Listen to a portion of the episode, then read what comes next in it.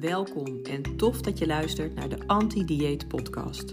De podcast voor vrouwen die klaar zijn met lijnen en diëten en nu eindelijk een gezonde relatie met eten en zichzelf willen ontwikkelen.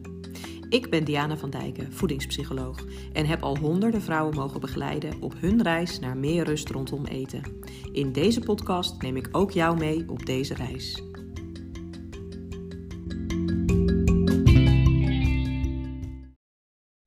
Bij weer een nieuwe aflevering van de Anti-Dieet Podcast. Leuk dat je luistert.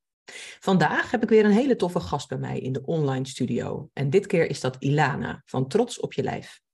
Met haar ga ik in gesprek over zelfliefde, lichaamsacceptatie en jezelf leren omarmen zoals je bent. En het is natuurlijk niet de eerste podcast die ik aan dit onderwerp wijd. Heel veel vrouwen hebben nou eenmaal enorm veel moeite met echt van zichzelf kunnen houden, hun lichaam accepteren zoals het is en zichzelf omarmen gewoon zoals ze zijn. Zonder dat er iets hoeft te veranderen.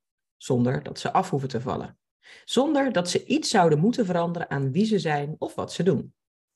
En in het werk dat Ilana doet, probeert zij vrouwen hierin te stimuleren en te ondersteunen. Wat ze dan precies doet, dat gaat ze jullie natuurlijk zelf vertellen. Veel luisterplezier! Hey Ilana, superleuk dat jij vandaag bij mij te gast wil zijn. Um, zou jij jezelf eerst even voor willen stellen aan iedereen die nu luistert en nog geen flauw idee heeft wie jij eigenlijk bent en wat je doet? Ja, wat superleuk. Leuk dat ik uh, gast mag zijn. Ik vind het een hele eer. Ja, leuk. Um, ik ben dus Ilana en uh, ik woon in Assen en ik heb in Assen een atelier. Ik boetseer vrouwenlijven, iets wat ik waanzinnig gaaf vind om te mogen doen. Ja. En uh, ja, dat is eigenlijk een beetje in een hele korte samenvatting, denk ik, wie ik ben. Ik ben Ja. 28 jaar jong. Misschien is dat ook leuk om te weten. Ja, kijk, daar hebben mensen er ook een beetje een beeld bij.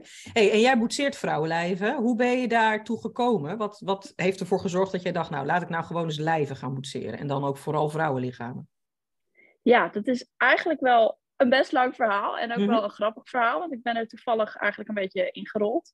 Ja. Ik heb acht jaar geleden een eh, vrij ernstig ongeluk gehad en toen kon ik helemaal niks meer. Ik Mhm. eh, kon mijn toekomst eigenlijk wel een beetje gedag zeggen. Ik mocht niet meer werken, naar school en ik moest een dagbesteding. Nou echt, leek me helemaal niks. Een Mhm. creatieve dagbesteding. En ik kwam daar terecht en eh, nou eigenlijk vond ik het knutselen, het kunstmaken, vond ik wel heel leuk. En ik kreeg daar, kreeg daar steeds meer begeleiding in. Ja. En op een gegeven moment bleek het ook wel dat ik daar wel aanleg voor had. En het ging steeds makkelijker.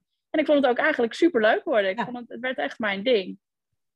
En vanaf daar ben ik eigenlijk een cursus gaan volgen, een boetseercursus. En daar Mhm. was een naakte vrouw. En ik vond het heel mooi om te zien, want ik eh struggelde best wel heel erg met mijn eigen zelfbeeld. En ik zag heel veel vrouwen op tv en op Instagram. En die zagen er allemaal zo anders uit dan dat ik eruit zag. En deze vrouw bij deze eh, workshop, die, ja, het was niet mijn exacte lijf, maar deze vrouw had wel hangborsten, vetjes, ribbeltjes, Ja. strié. Het was gewoon een echte vrouw. En ik Ja. was er eigenlijk wel heel verbaasd over. En ik dacht, hé, hey, ik ben niet de uitzondering. Er is nog een vrouw zoals ik. En ja, toen dacht ik, ja, maar er zijn dus meer vrouwen ook zo. En misschien weten die net als ik ook wel niet dat echte vrouwen er gewoon zo uitzien. Ja. En geen perfect plaatje, of wat is perfect eigenlijk. Maar ja, er niet zo uitzien zoals op tv en in de social media.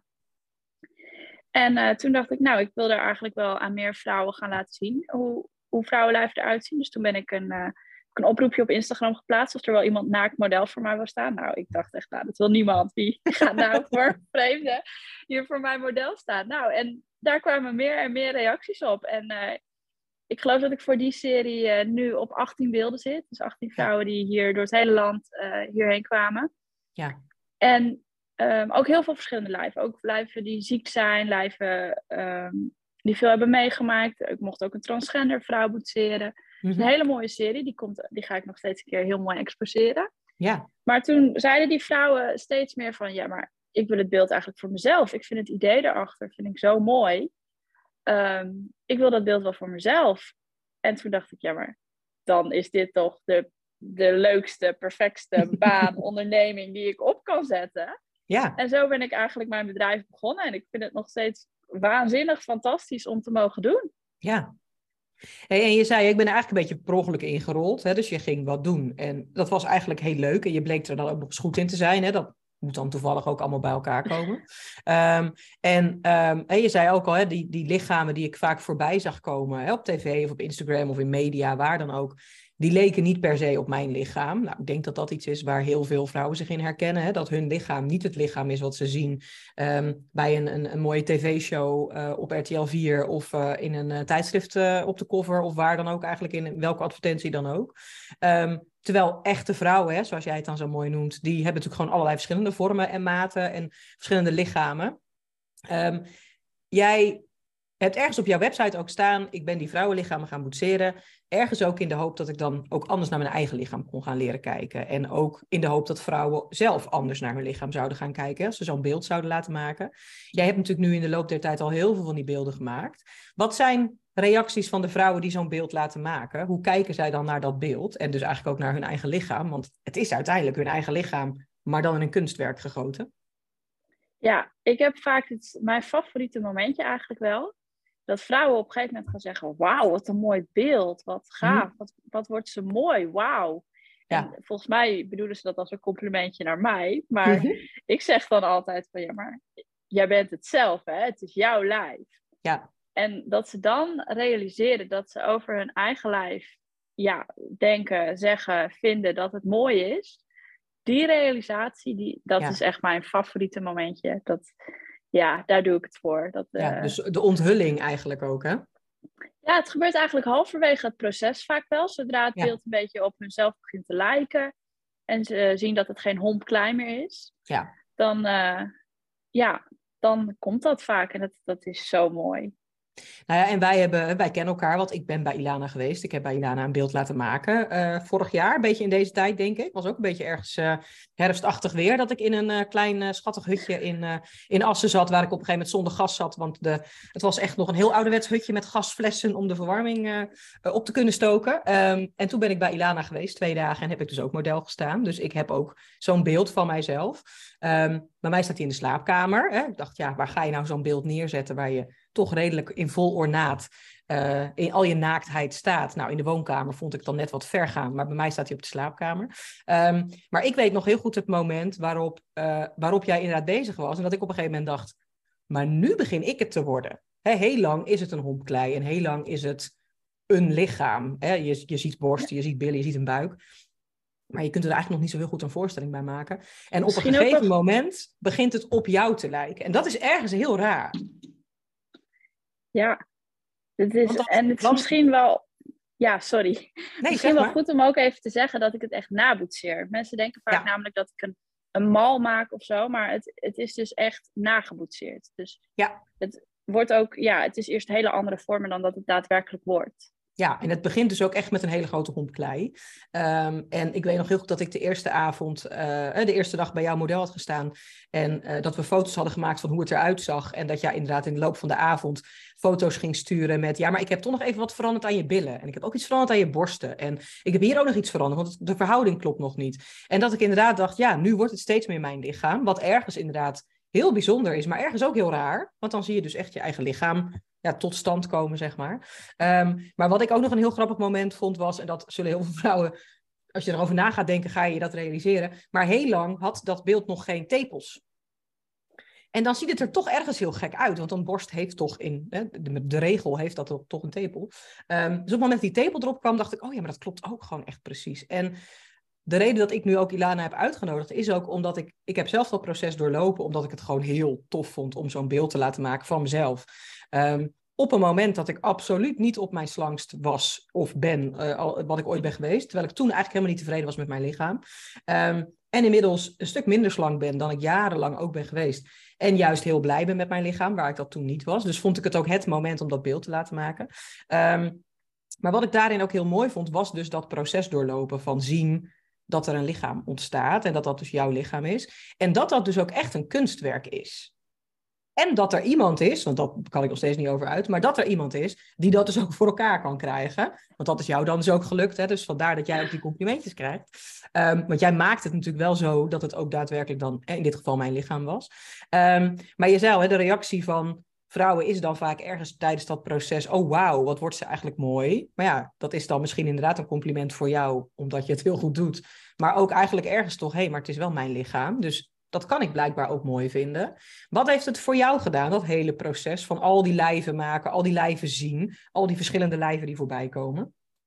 Heel veel, echt heel veel. Ik ben elke vrouw ook weer dankbaar dat ze zich zo letterlijk en vaak figuurlijk ook bloot durft te stellen. Ja. Het heeft zoveel voor mijn eigen zelfbeeld gedaan. Ik, uh, ja, ik, ik begon dit dus eigenlijk ook omdat ik zo onzeker juist over mijn eigen lijf was. Ik was nooit goed genoeg. Ik was altijd te dik. Te... Ja, ik was in, in een hele korte periode meer dan 20 kilo aangekomen. En um, het zien van andere vrouwen die ik elke keer weer zo mooi vond. Ik vind elke vrouw die bij mij komt tot nu toe echt prachtig. Mhm. Gewoon prachtige vrouwen. Dik, dun. Het, elk beeld is ook weer zo leuk om te mogen boetseren. En toen dacht ik, ja, om je dan te realiseren van ja, hoe kan ik nou elke vrouw mooi vinden, elk lijf mooi vinden en één lijf op deze hele wereldbol niet mooi vinden. Dat slaat toch eigenlijk gewoon echt helemaal nergens op.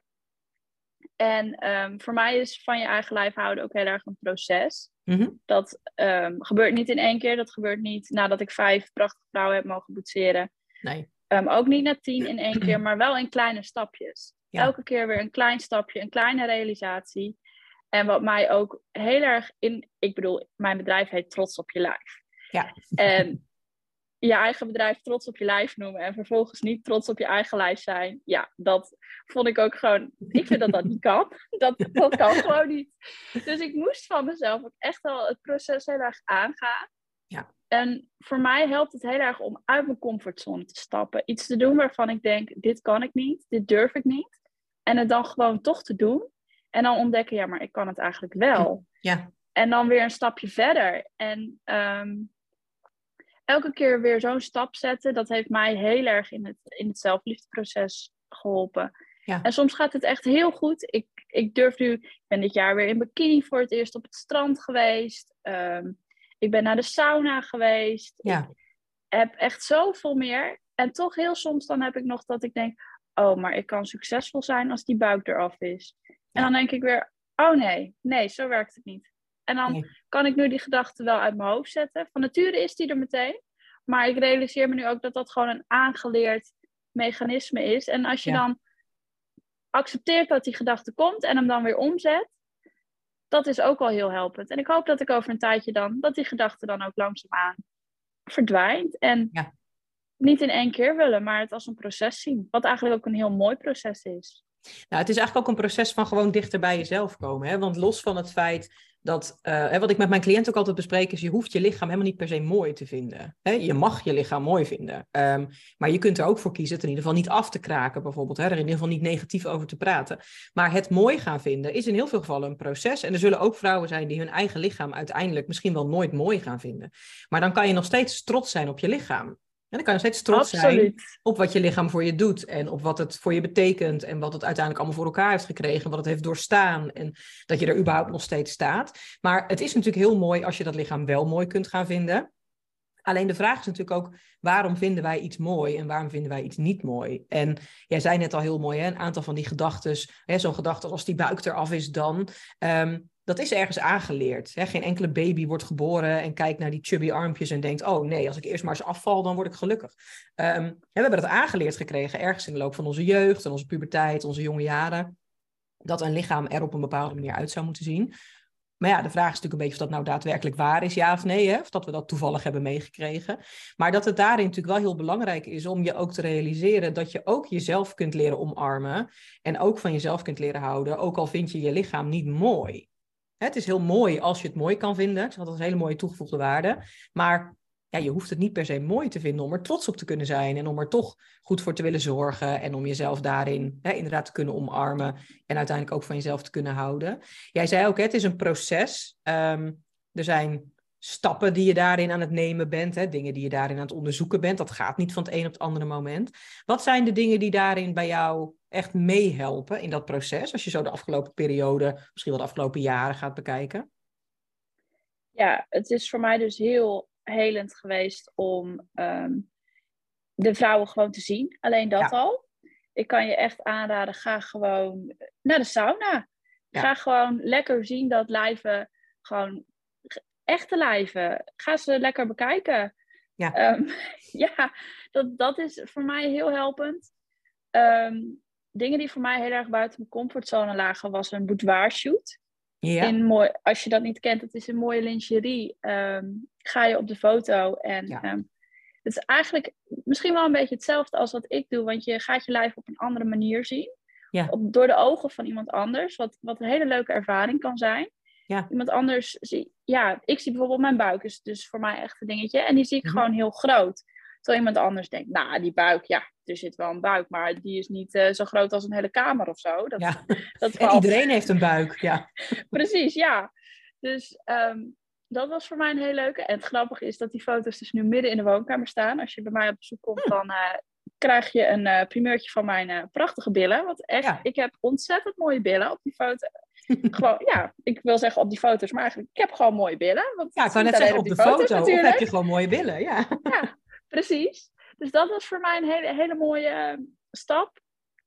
Ik ben, dat ben ik toevallig net van terug. Ik ben net na een tantra-week geweest. Ja. Dat was voor mij ook heel spannend. Ik dacht ook, ik was een beetje bang dat, dat tantra misschien alleen maar seks was. Dat is het totaal niet.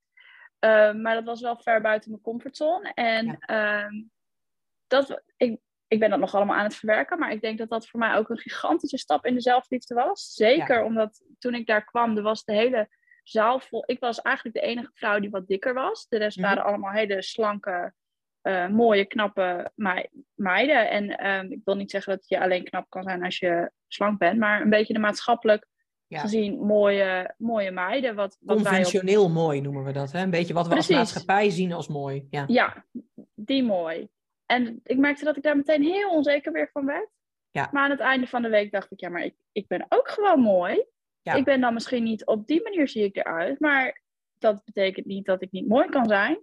En ik weet dat bij andere vrouwen wel, want ik, ik zie dat zelf ook. Ik zie dat elke vrouw mooi is in elke vorm. Maar om dat bij jezelf weer even te realiseren, ja. uh, was ook weer heel goed voor mijn eigen zelfbeeld. Ja.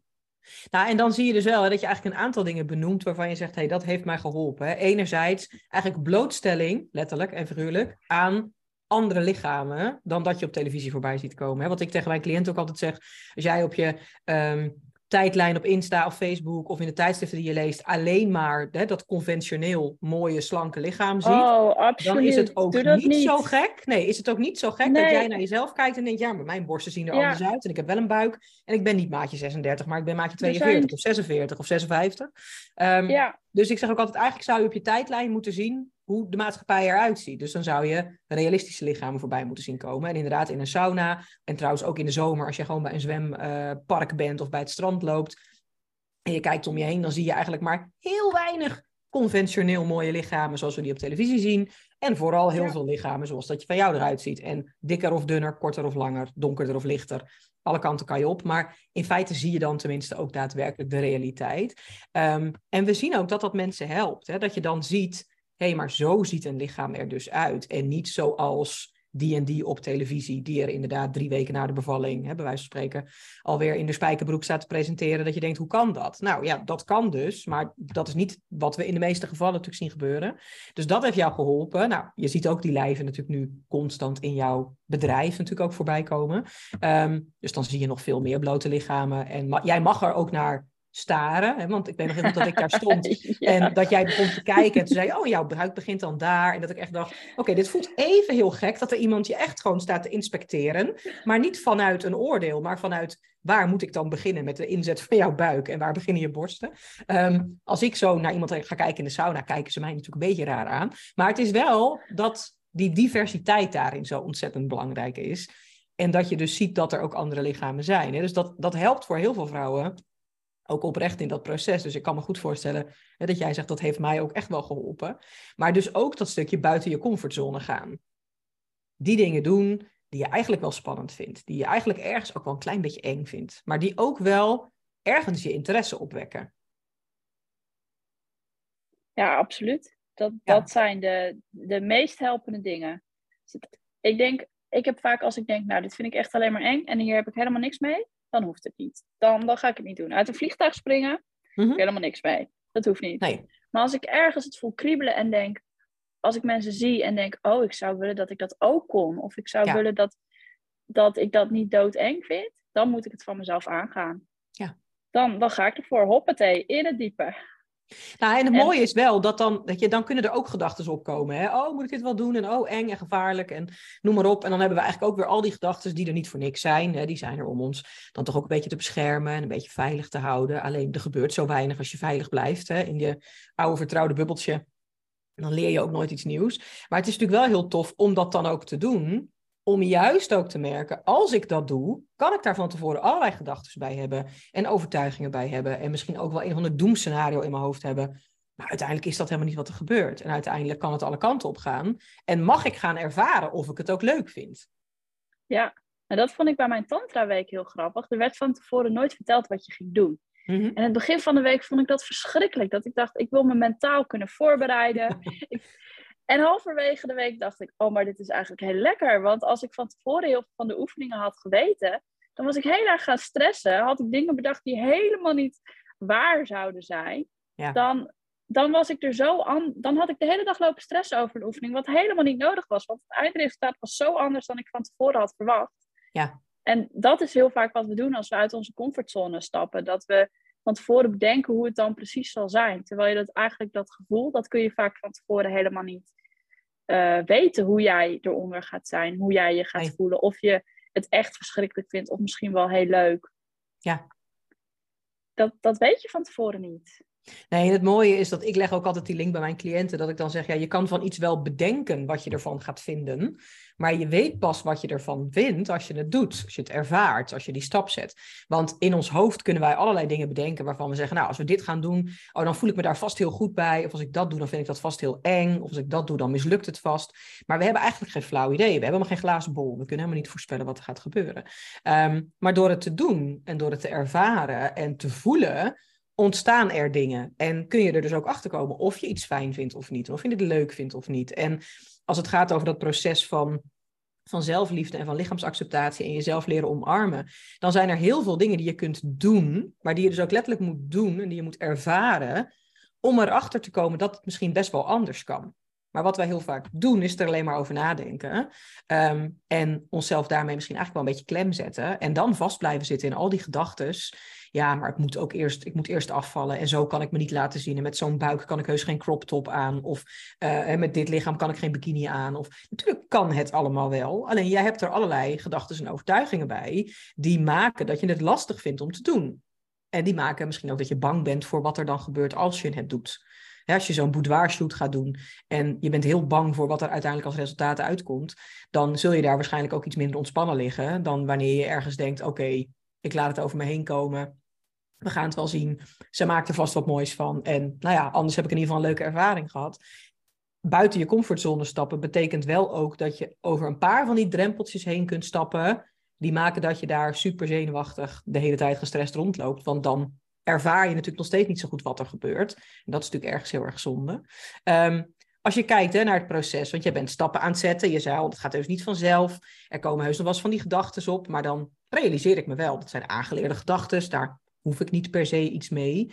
Ehm, hoe lukt het jou op zo'n moment? Hè, want wat, waar veel van mijn cliënten tegenaan lopen, veel van mijn luisteraars tegenaan lopen, is dat als ze die gedachten hebben, dat ze dan de neiging hebben om zich daar dan dus toch door uit het veld te laten slaan. Of toch hun gedrag daardoor te laten leiden of hun gevoel te laten beïnvloeden. Hoe lukt het jou op zo'n moment om zo'n gedachte op te merken en dan toch gewoon verder te gaan met wat je van plan was of wat je graag wil of wat je belangrijk vindt? Ik denk voor mij dat het voorbeeld van andere vrouwen daar heel erg in helpt. Wat je zei over social media. Mijn kanaal zit echt vol met prachtige mensen.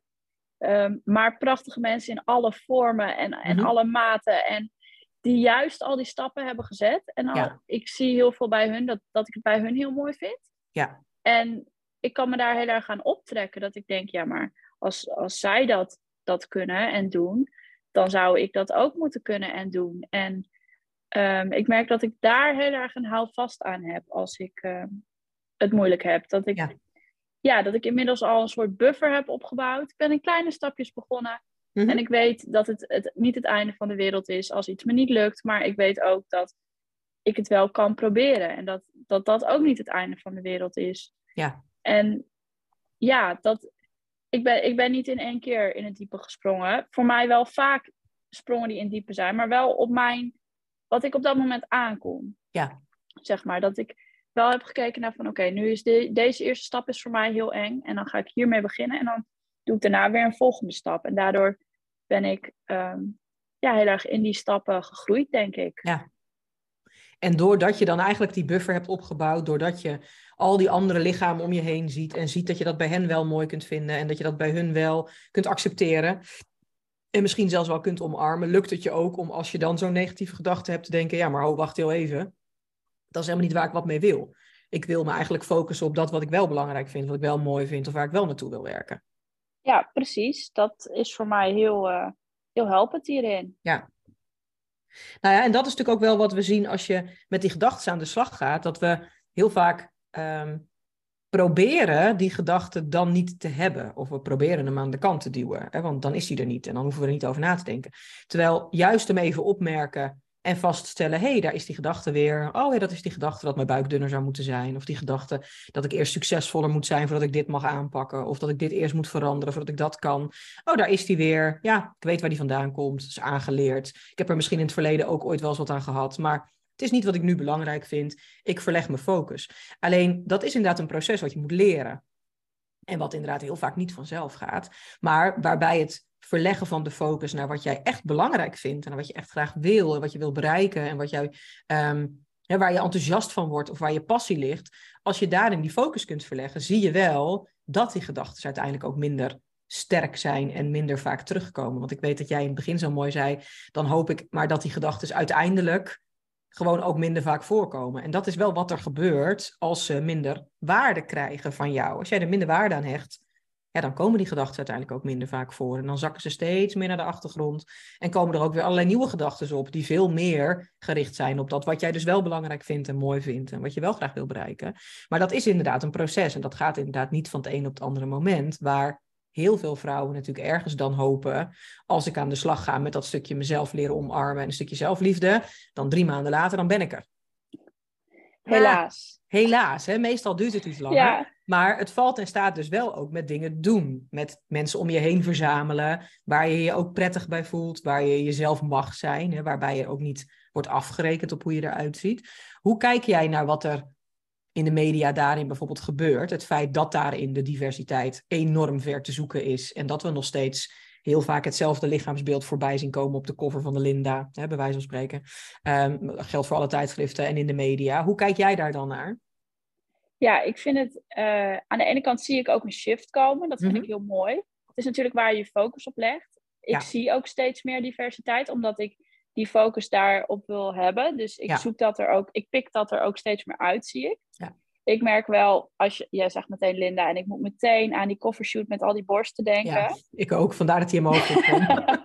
ja, dat, uh, ja, dan merk ik dat ik dan echt het gevoel heb dat, dat de hele, hoe zeg ik dat, wij weer 50 jaar terug in de tijd gaan. Of ja. eigenlijk misschien juist minder, want ik hoor veel mensen om mij heen die net een stukje ouder zijn dan mij, dat, dan ik dat ze lekker met blote borsten op het strand liepen. Ja. En dat, dat dat echt een periode was. En dat ik hoor dat kinderen nu onder de douche met, met onderbroeken en kleren aan douchen. Dat ik denk, oh, waar, waar gaan we nu weer? Aan de ene kant gaan we dus de goede kant op. En aan de andere kant gaan we denk ik echt, oh, ja, ja wat, wat gebeurt er? Wordt, wordt het weer in een hokje gestopt voor de, voor de jonge generatie nu? Ja. En de, de meiden en, en jongens ook die nu 12, 13 zijn en op Instagram zitten. TikTok, waar je soms, ik hoorde ook op een gegeven moment een TikTok-challenge dat je een blaadje vast moest houden of zo, een A4'tje. Ja, daar moest je dan kijken, achter passen. Ja. ja, dat soort dingen. Oh, dat, dat doet me echt pijn. En dan tegelijk zie ik ook hele mooie dingen en dan denk ik, yes, let's go. Kom maar op met die diversiteit. Heerlijk. Nou, en dat is inderdaad het dubbele. Je zei het zelf al heel mooi. Hè? Ik probeer ook wel te zien dat er verandering is. En we zien ook dat er verandering komt. Hè? Alleen het gaat tergend langzaam. Ehm, en ook daarin zien we dan nog weer dat het dan wel wat diverser wordt. Maar dan zijn het nog steeds misschien wel iets dikkere lichamen, maar nog steeds niet de dikke lichamen die we in het winkelbeeld en straatbeeld wel gewoon voorbij zien komen. En um, zijn er toch heel vaak dan uiteindelijk ook nog steeds wel gewoon de witte vrouwen die we voorbij zien komen. En eigenlijk heel weinig diversiteit in etniciteit, in, in kleur. Um, Dus dat is, daarin lopen we misschien ook gewoon nog steeds heel erg achter in wat het daadwerkelijk maatschappelijke beeld is. Maar tegelijkertijd zie je inderdaad ook dat onder jongeren er nog steeds enorm veel challenges zijn over dat je dus inderdaad met je middel achter een A4'tje moest passen. Ehm, nou ja, een A4'tje is niet groot, zeg maar. Hè? Dus dan, dan moet je aardig dun zijn, wil je achter een A4'tje passen met je middel. Um, en zijn er ook nog steeds allerlei challenges dan onder hele jonge meiden. Uh, om dan maar zo min mogelijk te eten en onder de duizend calorieën op een dag te blijven en vul allemaal maar in. Dus ergens ontwikkelt er al wel iets en gaan we iets diverser kijken naar hoe een lichaam eruit zou mogen zien. En aan de andere kant zien we dat we inderdaad ook gewoon nog een heleboel stappen te zetten hebben voordat we zover zijn dat een meisje van 15 ehm, in de spiegel kan kijken terwijl zij dik is en kan denken dit is oké, ik hoef helemaal niet af te vallen. Um, want dit lichaam mag er ook gewoon zijn. Hè? Dus we hebben daarin inderdaad echt nog wel stappen te zetten, maar er zijn gelukkig al wel wat dingen daarin aan het veranderen. Um, als je kijkt hè, naar de lichamen die jij voorbij hebt zien komen, want ik heb toevallig, nou is niet helemaal toevallig natuurlijk, maar afgelopen week nog even een keer over jouw uh, tijdlijn heen te scrollen bij, uh, uh, op Instagram, om even weer gewoon al die verschillende lichamen voorbij te zien komen en al die mooie kunstwerken voorbij te zien komen. Um, wat valt jou dan op aan de vrouwen die bij jou komen, aan diversiteit? Want je zei, hè, sommige lichamen zijn bijvoorbeeld ook ziek of hebben heel veel doorstaan. Wat zijn de vrouwen die vooral bij jou aankloppen om een beeld te laten maken? Zijn dat de vrouwen die zogezegd conventioneel passen, passen binnen het schoonheidsideaal? Of zijn dat juist ook heel veel vrouwen die daar, nou ja, volgens het schoonheidsideaal dan in ieder geval niet bij passen, maar natuurlijk net zo prachtig zijn? Ja, nou inderdaad, de laatste die je noemt. Ik krijg, uh, toen ik het begon, dacht ik eigenlijk een beetje, nou, dat zullen wel, mijn doelgroep zal wel jonge meiden zijn die allemaal, uh, ja, dat conventioneel perfecte ja. lijf hebben. Nou, nee, nee. dat, nee. Uh, nee. Ik, vind het heel leuk. Ik krijg juist vaak, uh, ook, ook wel jongere meiden hoor, maar um, als ik zeg de meeste vrouwen die bij mij komen zijn vaak 40 plus. Ja. Hebben inderdaad veel met hun lijf meegemaakt en zeggen nu, oh, het is eindelijk klaar, dat gehaat op mijn lijf. Het is, ja. Ik wil ervan houden. Ze heeft zoveel voor me gedaan, vaak een ziekte. Uh, soms hebben ze kinderen mogen dragen. Um, allemaal mooie dingen. En daarvoor willen ze trots zijn, ja, ja. trots zijn op hun lijf. En dat is ook wat ik echt heel leuk vind om te doen. Dat, het, dat je ziet dat een vrouw gewoon oké is met, met haar lijf. Dat het eindelijk klaar is, dat geruzie. En dat, dat ze goed genoeg is. Ja. Nou ja, en dat je, wat, wat, wat, wat ik wel mooi vind wat jij zegt, is dat heel veel van de vrouwen dus eigenlijk ouder zijn tussen aanstekens, hè, dan dat je misschien had gedacht wat jouw cliëntengroep zou zijn, hè, wat je klanten zouden ja. zijn. Um, en wat ik hier inderdaad ook heel erg terugmerk, is dat het heel vaak um, vrouwen van zo'n beetje 35 plus zijn, die aangeven, ik ben ook gewoon helemaal klaar met het feit dat mijn relatie met eten al zo lang onder druk staat. En dat die relatie met mezelf al zo lang onder druk staat. En nu is het tijd voor mezelf. Hè. Nu mag ik aan mezelf gaan werken. En nu mag ik mezelf gaan leren accepteren. Mijn lichaam gaan leren accepteren. Um, en dan zie je dus dat dat heel vaak een proces is, wat dus eigenlijk pas wat later ontstaat of zo. He, dus dat er, dan ja. pas komt daar die ruimte voor. Of dan pas komt misschien ook gewoon de realisatie hallo, ik ben gewoon goed zoals ik ben. Waarom doe ik eigenlijk ja. al die tijd al zo ongelooflijk moeilijk? Um, maar dat is natuurlijk wel mooi om te zien. Dat het in ieder geval op een bepaald moment... Um, ja, dat ergens dat kwartje of zo gaat vallen in het proces dat je jezelf ook mag omarmen zoals je bent. En dat je helemaal niet hoeft te veranderen. Niet voor de maatschappij, niet voor je partner, niet voor je kinderen, niet voor je vrienden of vriendinnen, niet voor je ouders, niet voor jezelf. Je hoeft helemaal niet te veranderen. Je mag zijn zoals je bent. Maar dan is dat dus inderdaad een proces dat vanaf het moment dat je dat gaat realiseren, dat je het ook nog gaat voelen. Ja. ja dus niet dat je alleen weet, ik ben in theorie goed genoeg zoals ik ben. Mijn lichaam is goed genoeg zoals ik ben. Maar dat je het ook nog echt gaat ervaren. En om het te gaan ervaren, moet je dus dingen gaan doen. En moet je dus buiten die comfortzone stappen. En moet je um, op een andere manier naar jezelf gaan leren kijken. Om het ook te voelen. Want dan pas He, verandert er ook echt wat? Waar zit jij nu in dat proces van dat gaan voelen? Oeh, dat vind ik uh, een leuke vraag. Moet ik ook even over nadenken. Ik zit ook, um, ik vind het wel grappig wat je net zei, want ik denk inderdaad, heel veel van mijn klanten, de ene klant zit bij misschien 10% van zelfliefde. Mm-hmm. En de andere, die wil echt meer zelfliefde door het beeld. En daarvoor komt ze. En de andere vrouw ja. komt juist omdat ze klaar is met het proces, of bijna klaar is. En denkt, nou, ja. dat hele proces mag juist in beeld. Ja. En als ik zelf denk aan het proces waar ik begon, was het echt, echt wel, wel triest, mijn zelfliefde. Mm-hmm. en ik ga nu denk ik nou, dat ik echt wel voor een 60, 70 procent van mezelf kan houden en trots kan zijn op mezelf, wie ik ben. En um, ja, dat ik, ik leg ook steeds vaker mijn hand even op mijn buik. Even mhm. mijn buik wat liefde geven. Juist omdat ik zo moeite met die buik heb. En ik merk dat ik dat fijn vind. En um, ja, ik vind het fijn ook om in dat proces te zitten. Wat je zei dat het niet in drie maanden kan, maar dat je in drie maanden wel al iets kan merken. En dat alleen dat merken al is al heel leuk. Ik hoef ook nog niet op 100. Ik komt er iemand ooit, misschien wel op 100%, misschien kom ik daar nooit. Maar uh, dit proces alleen al is zo fijn. En je te realiseren dat, dat ik weer in bikini durf. Dat ik. Ik heb bijvoorbeeld deze zomer ook heel veel gesubt. Dat hoeft niet in bikini, maar zelfs in uh, kleren had ik anders niet gesubt. Want daar was mijn lijf. Ja, daar had ik me niet prettig gevoeld in mijn lijf. En dat soort dingen doe ik nou gewoon weer. Dat, dat mijn lijf me niet meer tegen laat houden. En alleen dat al is al zo fijn.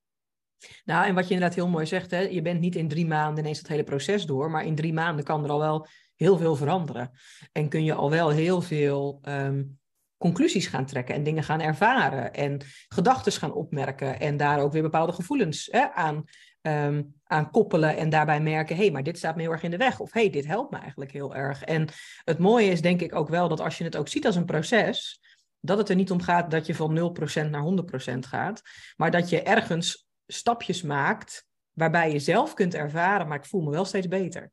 En ik voel me al lekkerder over mezelf. En ik vind mezelf al leuker. Of um, ik vind mijn lichaam al prettiger. Of ik kraak het al minder vaak af. Hè. Dat zijn al de eerste kleine stapjes die bijdragen aan dat proces. Dan hoef je het nog steeds niet mooi te vinden. Maar je kunt er ook voor kiezen niet heel hard over je buik te praten of over je lichaam te praten. Maar het niet te zeggen. En inderdaad het op te merken en te denken, ja, komt ergens vandaan.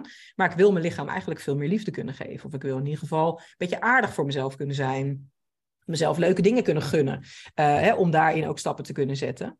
Merk jij ook de link, want hè, trots op je lijf heeft natuurlijk te maken ook met hoe je naar je lichaam kijkt. Hè, dat je um, trots kunt zijn op hoe het eruit ziet, maar dat je ook kan, trots kan zijn. Hè, wat het allemaal heeft doorstaan. Hè, wat jij net al zei, sommige vrouwen geven ook aan. Hè, ik heb kinderen gebaard, ik heb een ziekte doorstaan en mijn lichaam is er nog steeds voor me. Daar kan ik ook heel trots op zijn. Kun jij ook een bepaalde link merken, bij jezelf dan tenminste, over trots zijn op wie je bent, hè, wat je doet, op wat je voor elkaar hebt gekregen nu in de afgelopen periode. En van daaruit ook op een andere manier naar dat lichaam kunnen gaan kijken. Dat lichaam wat natuurlijk een ongeluk heeft gehad, wat eigenlijk helemaal in gruzelementen lag, hè, om maar even zo te zeggen. Maar wat ook weer is gaan herstellen en wat er nu voor zorgt dat jij die vrouwenlichamen kunt boetseren. Kun jij ergens die link voelen bij jezelf van ook trots kunnen zijn op wie jij nu bent en op wat jij nu doet, doordat je lichaam dat ook voor elkaar heeft gekregen? Ja, heel erg zelfs. Het uh, voelt echt heerlijk. Ik ben zo trots op wat ik mag doen en kan doen. En trots dat, ja, dat ik vrouwen kan helpen in hetzelfde waar ik heel graag bij geholpen zou willen worden. Ja. Dat, dat geeft echt zelfs een waanzinnig gevoel van trotsheid. Dat is heerlijk om. En ook dat ik dat mag voelen. Eerder zou ik dat niet hebben mogen voelen, want wie is er nou trots op zichzelf? Dat is toch misschien een beetje een tikkeltje arrogant. Maar ik zie trots zijn op jezelf helemaal niet meer als arrogant. Ik zie dat als iets heel moois en iets heel fijns. En ja. ik geniet daar ook van. Ja, ik kan complimentjes ook steeds beter ontvangen. Mhm. Als een vrouw blij, blij is met haar beeld, dat voelt ook echt als iets wat we samen. Ik maak het beeld nooit alleen. Het is altijd samen. Ja. Het, het voelt dan ook echt als iemand tegen mij ook zegt, wat een mooi beeld, zeg ja hè. Dat, dat, ja. ik kan alleen maar denken, ja, prachtige vrouw en ik heb dat mogen maken. Dat is ja. gewoon niks anders dan trots. Dat, ik ga echt niet zeggen van, nou, ja, ik weet niet hoor. Nee, nee. Ja. Dat, dat, zo voel ik dat ook helemaal niet. Het, het is gewoon trots, een en al trotsheid. Maar het mooie is ook, kijk, mensen kunnen jou nu niet zien, maar ik zie jou dus nu stralen. Dat geeft altijd aan dat je ergens ook heel enthousiast over bent en dat je dat ook heel fijn vindt. Ehm, maar wat ik daarin ook heel mooi vind, is dat jij zegt, ja, ehm, ik vind trots nu ook helemaal niet meer iets arrogants. Terwijl heel veel mensen inderdaad nog altijd die link leggen tussen ehm, dat het best wel arrogant is, dat je hoog van de toren blaast als je aangeeft dat je iets goed kan. Of dat je, iets, dat je trots bent op wat je hebt bereikt. Terwijl uiteindelijk is het natuurlijk heel belangrijk om die trots te voelen. Want omdat je die trots voelt, kun je ook blijven doen wat je doet. En kun je daarin blijven groeien en kun je je blijven ontwikkelen. En kan je daarin mensen helpen. Terwijl op het moment dat jij daar helemaal niet trots op zou zijn, ja, dan zou je op een gegeven moment denken, ja, wat ben ik eigenlijk aan het doen? Weet je, laat anders ook maar gewoon. Terwijl die trots hebben we ook nodig, hè, dat gevoel. Dat leeft levert iets op, dat leeft in onszelf.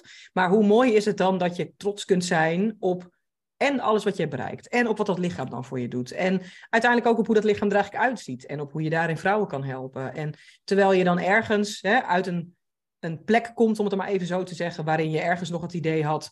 Ja, maar mijn lichaam zoals het nu is, kan ik niet accepteren. En ik kan niet meer doen wat ik eigenlijk wil doen. Hè. Ik kan mijn toekomst wel vergeten. Ehm, en dan ben je zoveel jaar verder. En dan heb je zo ongelooflijk veel stappen gezet. En dan mag je inderdaad vrouwen daarin eigenlijk meenemen in ook net zo goed weer trots zijn op wie ze zijn, op hoe ze eruit zien, op, wat hun, op hun lichaam in alle vormen en maten en um, in alles wat het kan en ook in alles wat het niet kan. daar mag je net zo goed nog steeds trots zijn op je lichaam, ook al doet het niet precies wat je wil. En trots betekent ook niet dat er geen ruimte voor ontwikkeling is. Zeg maar. Daar zit misschien ook het verschil tussen arrogant. Als je arrogant bent, dan ben je misschien uitgeleerd. Maar trots betekent niet dat ik. Ik vind het juist heerlijk om nog nieuwe dingen te leren, om nog beter te worden in mijn vak. Dat betekent niet dat ik dan niet nu al trots kan zijn op wat ik nu al doe. Het betekent alleen dat er nog ruimte is voor verbetering. En dat ik dan nog trotser kan zijn. Ja, en dat dat natuurlijk ook het mooie is van hoe kijk je naar hoe, wat iets voor jou betekent. Hè? Je kunt inderdaad heel trots zijn en nog steeds ruimte zien voor dingen die je graag zou willen ontwikkelen bij jezelf of die je zou willen ontplooien. En dat is natuurlijk eigenlijk met zelfliefde hetzelfde. Je kunt van jezelf houden en dan kan je nog steeds dingen hebben in jezelf waarvan je denkt, nou, ik zou het eigenlijk wel heel mooi vinden als ik dat toch beter leer. Of als ik daar beter mee om kan leren gaan. Of als ik dat toch op een andere manier een plek zou kunnen geven. Net zoals je je lichaam kunt omarmen. En tegelijkertijd wel kan denken, hé, hey, maar ik moet er wel voor blijven zorgen. En om er goed voor te zorgen, zijn er bepaalde dingen die ik daarin misschien serieuzer moet nemen in mijn lichaam. Of in hoe ik beweeg, of in hoe ik slaap. Of nou ja, vul allemaal maar in. Er mag nog steeds ruimte zijn voor een bepaalde ontwikkeling. Er mag ook ruimte zijn voor een bepaalde verandering. Maar dat betekent niet dat het met die verandering dan per se beter wordt dan wordt het alleen nog anders. En misschien nog wel wat volwaardiger of rijker of prettiger of nou vul maar in. Maar het is ook al goed zoals het is. En je bent al goed zoals je bent. Ja, heel mooi gezegd. Helemaal mee eens. Nou, gelukkig. Ik denk dat het ook een hele mooie is om mee af te ronden. Um, hey, als mensen jou willen opzoeken om gewoon wat meer over jou te lezen of om wat meer over jou te weten te komen, waar kunnen ze je dan vinden? Ik ben heel actief op Instagram. Daar heet ik, ik heet eigenlijk overal trots op je lijf. Maar mm liefst op Instagram, want op Facebook doe ik niet zo heel veel. Ik heb wel een Facebook-account en mijn website www.trotsopjelijf.nl. Ja, nou, en dan kunnen mensen daar en eens kijken naar al die mooie beelden die je maakt. En ook wat meer over jou lezen en over jouw eigen verhaal uh, lezen als ze dat interessant vinden. In ieder geval super bedankt voor vandaag en tot een later moment. Jij ook heel erg bedankt. Ik vond het super leuk. Nou, mooi. Leuk om te horen. hey, wij spreken elkaar en uh, tot een andere keer. Ja, doei doei. Hoi hoi.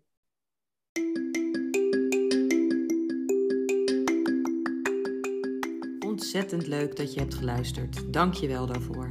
Ik hoop dat je ook de volgende keer weer aanhaakt. Je bent in ieder geval van harte welkom. Vond je dit nou een toffe aflevering? Abonneer je dan op de Anti-Dieet Podcast. Laat sterren achter, schrijf een leuke review of deel deze podcast met andere vrouwen. Dat waardeer ik echt enorm. Wil je me wat vragen of ben je op zoek naar meer informatie? Check dan vooral eens mijn website en mijn socials. Daar vind je ook hele toffe gratis downloads en introductielessen. In de show notes vind je uiteraard alle details. Dit was de Anti-Dieet Podcast. Tot de volgende keer.